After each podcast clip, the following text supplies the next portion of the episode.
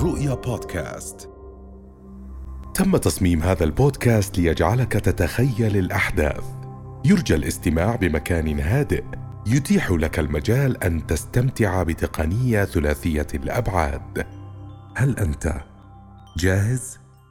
فلنبدأ الرحلة.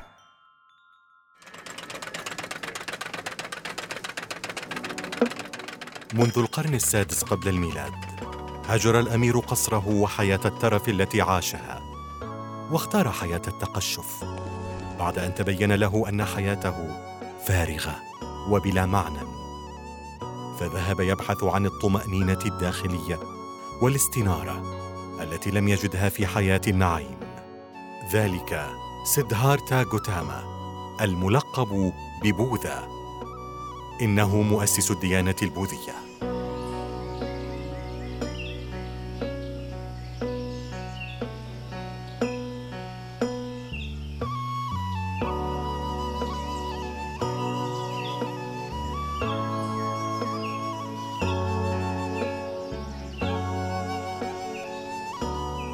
تحت واحدة من أشجار التين أو شجرة الحكمة كما يسمونها بلغ سيدهارتا غوتاما حالة الاستنارة وأصبح بوذا أي المتيقظ المستنير لم يحدث ذلك سريعا. إذ استغرق بوذا سنوات من ممارسة التأمل وتجربة حالات عديدة من التيقظ ليصل إلى أقصى درجات الحقيقة.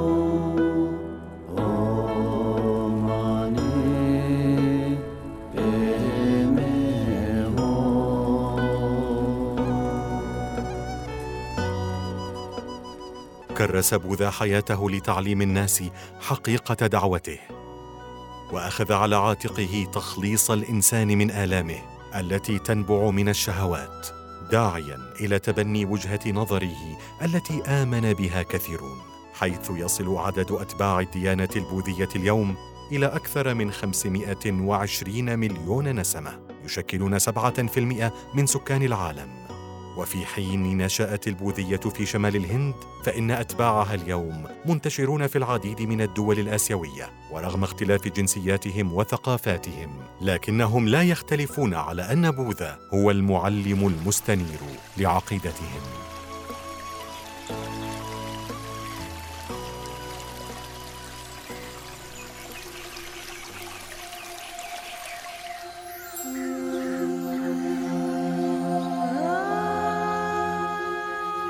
لم يترك بوذا وراءه أي مصنف أو كتاب يحتوي على معتقداته وآرائه.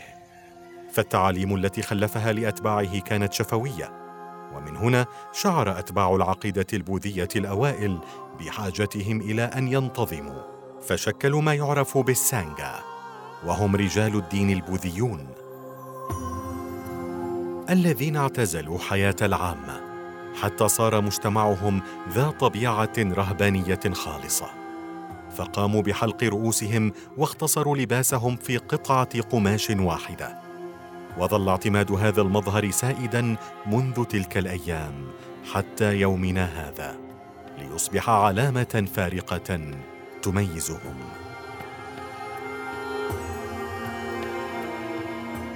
مع مرور السنوات ترك السانجا حياة الترحال وبنوا لأنفسهم مقرات خاصة ليستقروا بها وليعيشوا حياتهم جامعين بين أعمالهم الدينية وأعمالهم الدنيوية.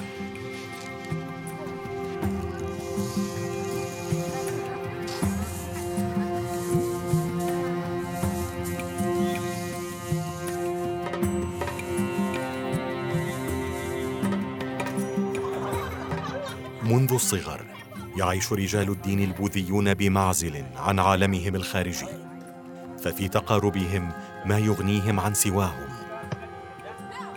يلعبون معا ويدرسون تعاليم دينهم سوية. وحتى الاستحمام له موعد موحد بينهم.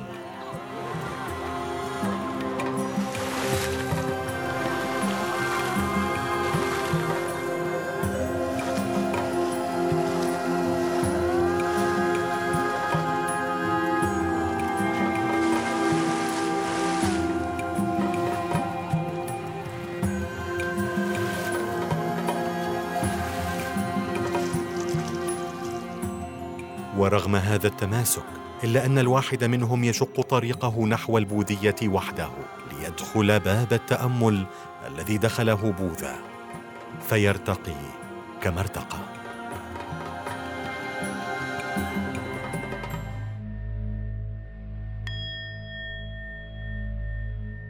وإن كان الفضل في تأسيس الديانة البوذية يعود إلى بوذا إلا أن هناك رجال دين آخرون لا ينكر فضلهم في نقل تعاليمه ورسالته والحفاظ على البوذية من الضياع. ولذلك يقوم أتباع البوذية بتكريم رجال الدين الذين حفظوا تعاليم البوذية من خلال تجسيد صورهم وأجسادهم في تماثيل من الشمع.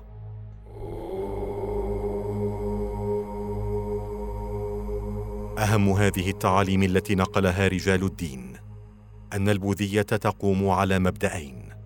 الأول أن الأحياء ينتقلون أثناء دورة كينونتهم من حياة إلى أخرى ومن هيئة إلى أخرى.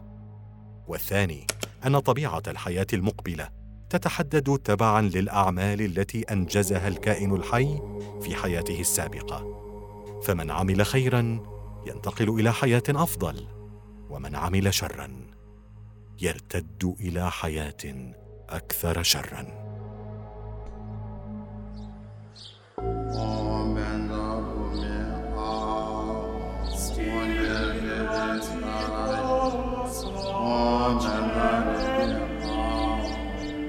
في ساعات الفجر الأولى يخرج رجال الدين من أماكن معيشتهم إلى الشوارع.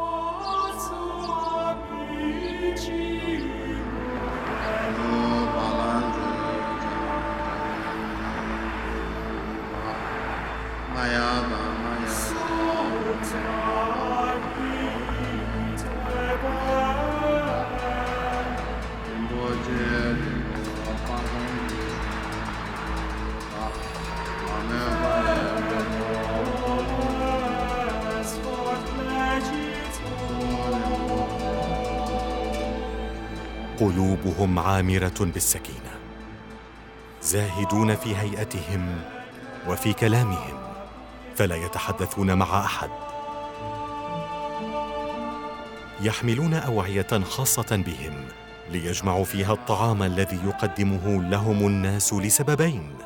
الأول كونهم أصحاب فضل في إرشادهم إلى طريق الانتقال من المعاناة إلى الراحة.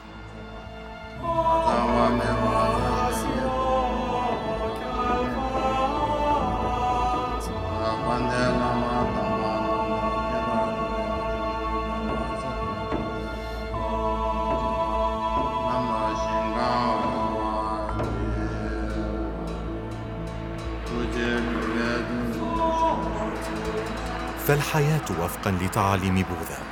لا تخلو من المعاناة التي يسببها الشقاء. والأصل في منشأ هذه المعاناة عدم وجود السعادة بسبب التمسك بالحياة. وإذا أردت الوصول إلى حالة النيرفانا أو الصفاء الروحي فعليك الكف عن التعلق بالحياة والتخلص من الأنانية وحب الشهوات. ولا طريق لذلك سوى اتباع الطريق النبيل.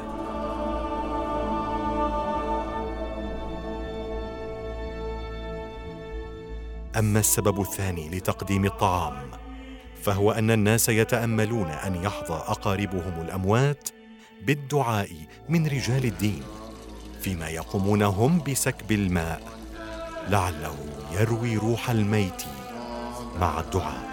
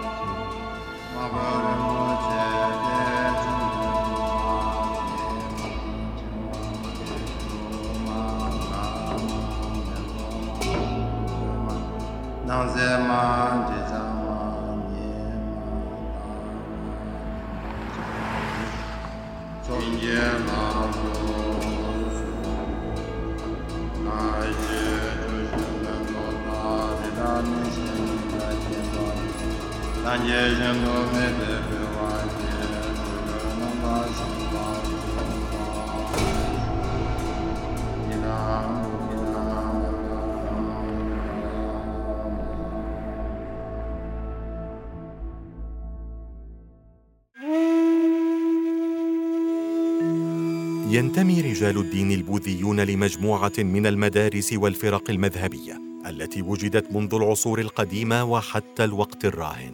ولكل فرقة أو مدرسة ثقافتها وفلسفتها إلا أن الهدف الأسمى لجميع رجال الدين لا يختلف وهو الاستنارة والتحرر الكلي من الكارما.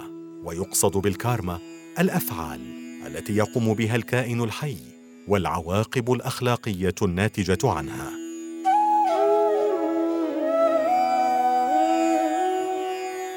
وحسب مذهب تيرافادا. يكون مجتمع الرهبان عزابا ويكسبون قوت يومهم عن طريق طلب الصدقة من العامة. ورغم أن هذه العادة تبدو مستهجنة بعض الشيء لكنها ظلت ملاصقة لتاريخ رهبان البوذيه منذ أيام بوذا. إلا أن مجتمع الرهبان ليس حكرا على الرجال فقط. فيمكن للنساء أن تنضم إليه أيضا.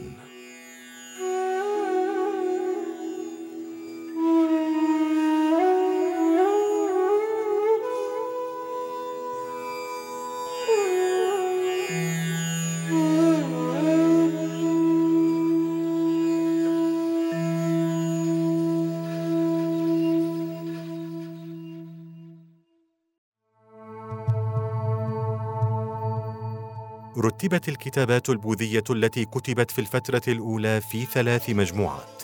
عرفت باسم تريباتاكا أو السلات الثلاث وهي سوترا بيتاكا ويقصد بها مجموعة الكتابات الأصلية وتشمل الحوارات التي دارت بين بوذا ومريديه وفينايا بيتاكا وتتضمن الكتابات التي تتعرض للجانب التنظيمي والأخلاقي لحياة الرهبنة وأبهيدارما بيتاكا. وتشمل مناقشات في الفلسفة العقائد وغيرها من الموضوعات التي تمس العقيدة البوذية.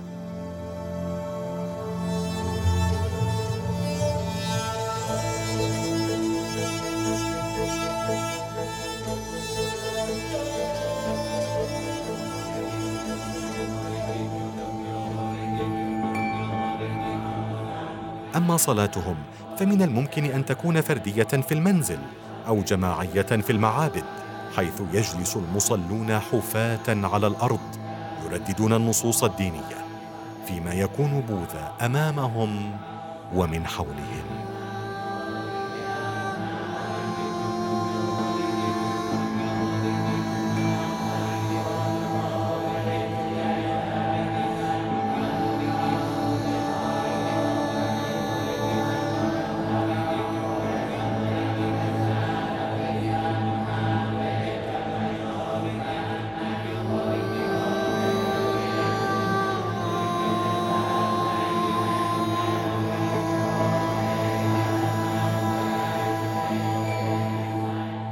إن عاش المرء بحكمة فلن يخشى الموت.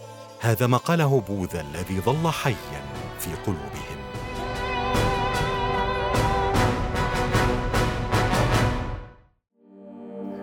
ليس للهم أو الحسد أو الذنب من يعالجه في الديانة البوذية سوى رجال الدين. فالناس يقصدونهم ليرتاحوا أو يطردوا الحسد والشر أو يغسلوا ذنوبهم كما يغسل الماء الاوساخ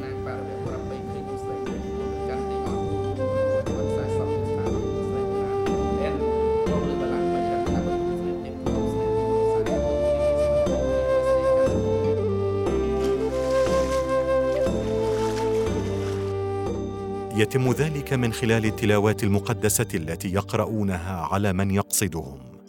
ثم يغسلون جسده بالماء ليعود امنا مطمئنا نقيا. وهذا ما يعرف بالحمام المقدس.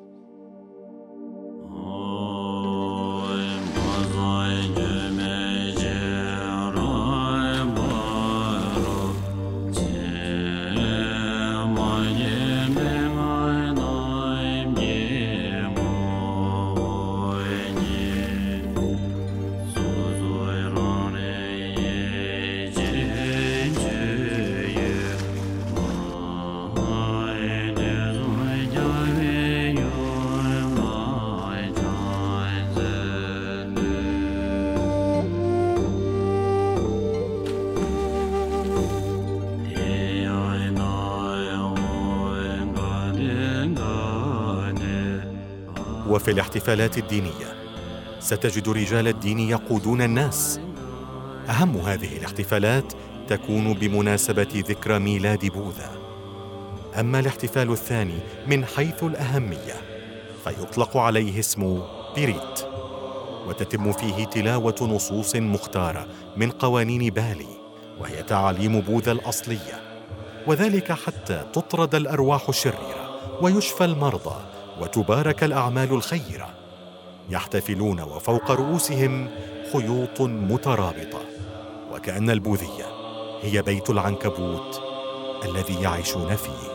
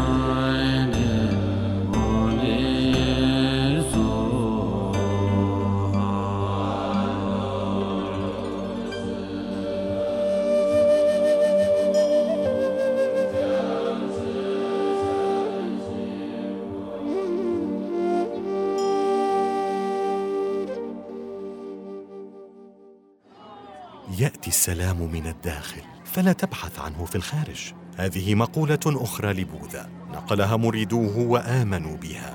فالسلام الحقيقي نصنعه نحن.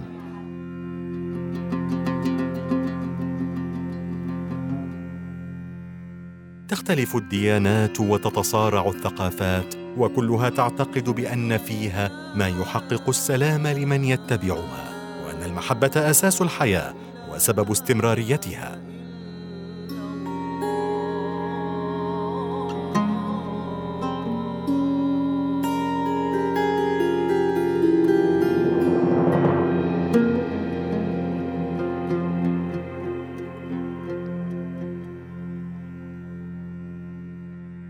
وحتى وإن كان للناس فيما يؤمنون ويعشقون مذاهب.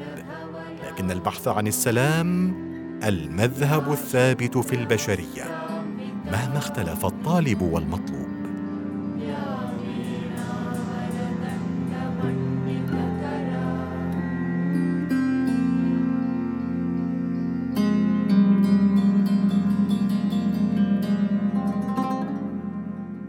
ستبقى الحياة ممكنة طالما أن البشر لا يختلفون في الإنسانية مهما اختلفوا في الأمور الدينية. وطالما أن قلوبهم عامرة بالمحبة التي لا يفسدها اختلاف.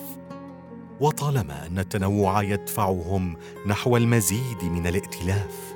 وطالما ظلوا يؤمنون بأنهم يزدادون رفعة. كلما مدوا يد التسامح وطووا يد الخلاف. وطالما آمنوا بأن إضاءة طريق الآخرين ستضيء حياتهم من حيث لا يشعرون.